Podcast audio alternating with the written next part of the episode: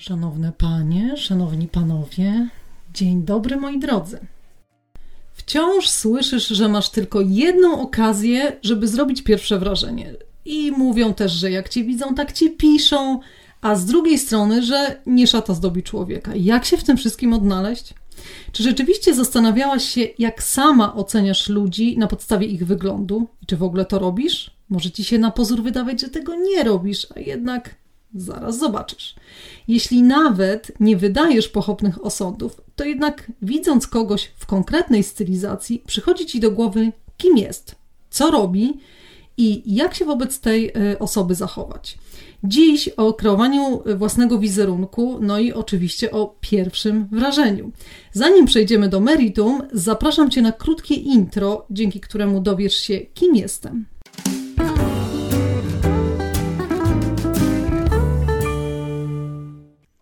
Nazywam się Magdalena Radomska, a to jest mój podcast Be a Woman. Opowiadam w nim krótko i życiowo o rozwoju osobistym. A co to właściwie znaczy? Już wyjaśniam. Dowiesz się więcej o tym, czy naprawdę możesz wszystko. Posłuchasz, jak inni radzą sobie z dużymi zmianami w życiu prywatnym i zawodowym. Podpowiem, jak pracować nad samooceną oraz wewnętrzną harmonią. Poruszę tematy kreowania wizerunku i troski o Twoją kobiecość. Wisienką na torcie są relacje damsko-męskie. Zapraszam!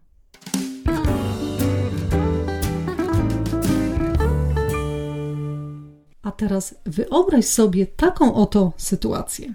Wchodzi na spotkanie mężczyzna w dżinsach i t-shircie. Wyraźnie oceniasz, że jest powiedzmy przed trzydziestką. Raczej powiesz cześć i będziesz zachowywać się dość swobodnie. I teraz druga sytuacja. Wchodzi na spotkanie ten sam mężczyzna, ale jest w garniturze. Nie postarzał się nagle, dalej jest przed trzydziestką, ale jego strój zobowiązuje cię do powiedzenia dzień dobry. Jaki zatem jest wniosek? Szata ma znaczenie.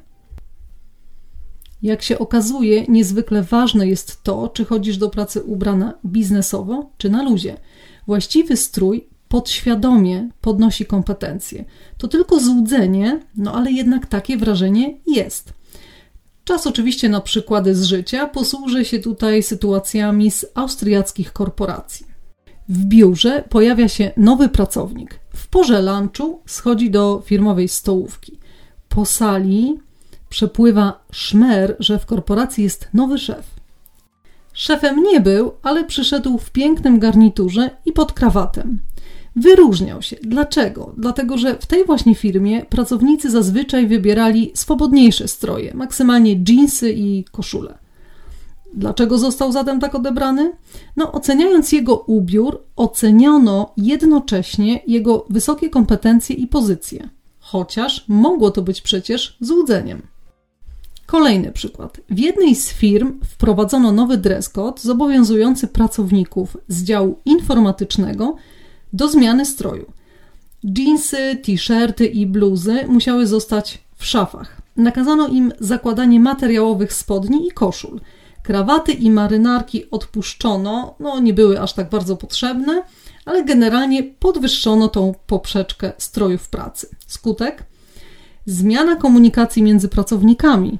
Ciekawe, prawda? Zmienił się chociażby język i takie wzajemne podejście do siebie. Od tego momentu traktowano się nieco poważniej.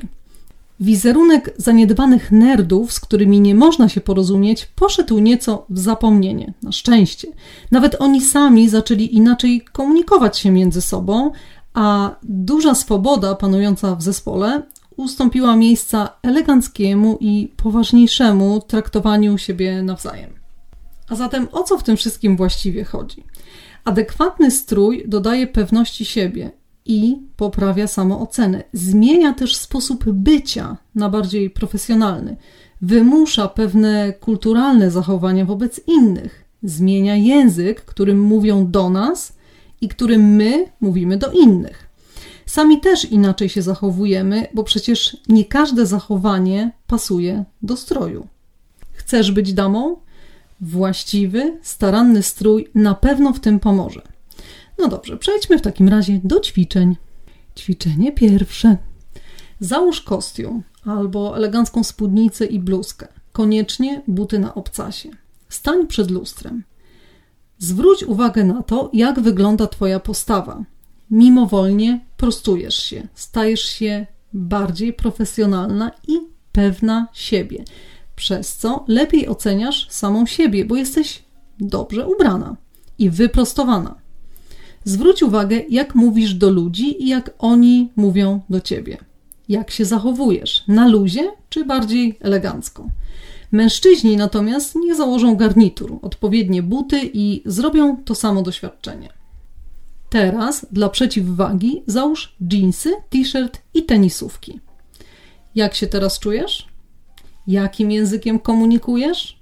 Jak się zachowujesz? Jak odbierasz siebie i jak odbierają cię inni? Przeanalizuj te różnice. Ćwiczenie drugie. Przygotuj notatnik. Obserwuj, jak odbierasz różnych ludzi, jak do nich mówisz, jak się zachowujesz, jak oni mówią i się zachowują wobec ciebie. Zwróć uwagę na ich strój. Jak traktujesz mężczyznę w t-shircie, krótkich spodenkach i flip-flopach, a jak tego w eleganckim stroju? Jak kobietę w tenisówkach, a jak te w szpilkach? Bądź szczera ocenie, przecież i tak nikt tego nie sprawdzi a ty możesz nabyć całkiem nowe doświadczenie i zdać też sobie sprawę z tego, że jednak ma to wpływ na odbiór drugiego człowieka. Zapisz swoje obserwacje i wyciągnij wnioski. Sama się przekonasz, jakie szata ma znaczenie. Oczywiście pamiętaj o tym, że my cały czas tutaj mówimy o, o pierwszym wyrażeniu i o takich początkach znajomości z kimś, odbierania kogoś na etapie dużo bardziej zaawansowanym, kiedy ta znajomość jest już bardziej zażyła, sytuacja wygląda nieco inaczej. Wtedy możemy sobie pozwolić na więcej, kiedy już ktoś zna nas, zna nasz profesjonalizm, zna nasze kompetencje. Wtedy ten strój będzie miał mniejsze znaczenie. Podobnie w relacjach osobistych, to jest zupełnie coś innego. Teraz koncentruję się, mówiąc o tych wszystkich zależnościach, na sytuacjach zawodowych, pracy i na takich sytuacjach profesjonalnych. Wtedy, kiedy chcesz zrobić na kimś wrażenie osoby zawodowca po prostu. Oczywiście pamiętaj o tym, że strój powinien być adekwatny do okazji. To jasne. To jasne, że na wakacjach wyglądamy zupełnie inaczej, ale tutaj mówię właśnie o tych kwestiach e, dotyczących biznesowego otoczenia. Abstrahując jednak od okazji, no to zawsze warto jednak starannie wyglądać dla siebie, dla bliskich, dla dobrego samopoczucia i też kreowania własnej opinii na własny temat. Nawet wtedy, gdy zostajemy w weekend w domowych pieleszach. Co bowiem stoi na przeszkodzie, by wyglądać po prostu ładnie. Nikt nie mówi o tym, żeby biegać w szpilkach po mieszkaniu, ale jednak schludny strój nawet w sytuacji bardzo prywatnej, z całą pewnością będzie korzystnie działał na samopoczucie każdego z nas. Podobna sytuacja dotyczy słynnego home office. Praca w domu y, przez pół dnia w szlafroku z całą pewnością nie wpłynie pozytywnie na Twoje samopoczucie i na Twoją energię y, podczas dnia pracy. W jednym z kolejnych odcinków poruszę temat stroju w kontekście wywiązywania się z umowy w związku miłosnym, bowiem szczerze mówiąc, narzekania obu stron w tej kwestii nie mają końca. Dziękuję Ci za wysłuchanie tego odcinka. Kliknij subskrybuj lub obserwuj, wtedy będziesz najbardziej na bieżąco. W kolejnym odcinku spotkamy się w cyklu Sukces obcasem wydeptany, a moim gościem będzie Marta Kaczmarski, czyli specjalistka od Instagrama i autorka projektu Insta Club. Do usłyszenia. Cześć!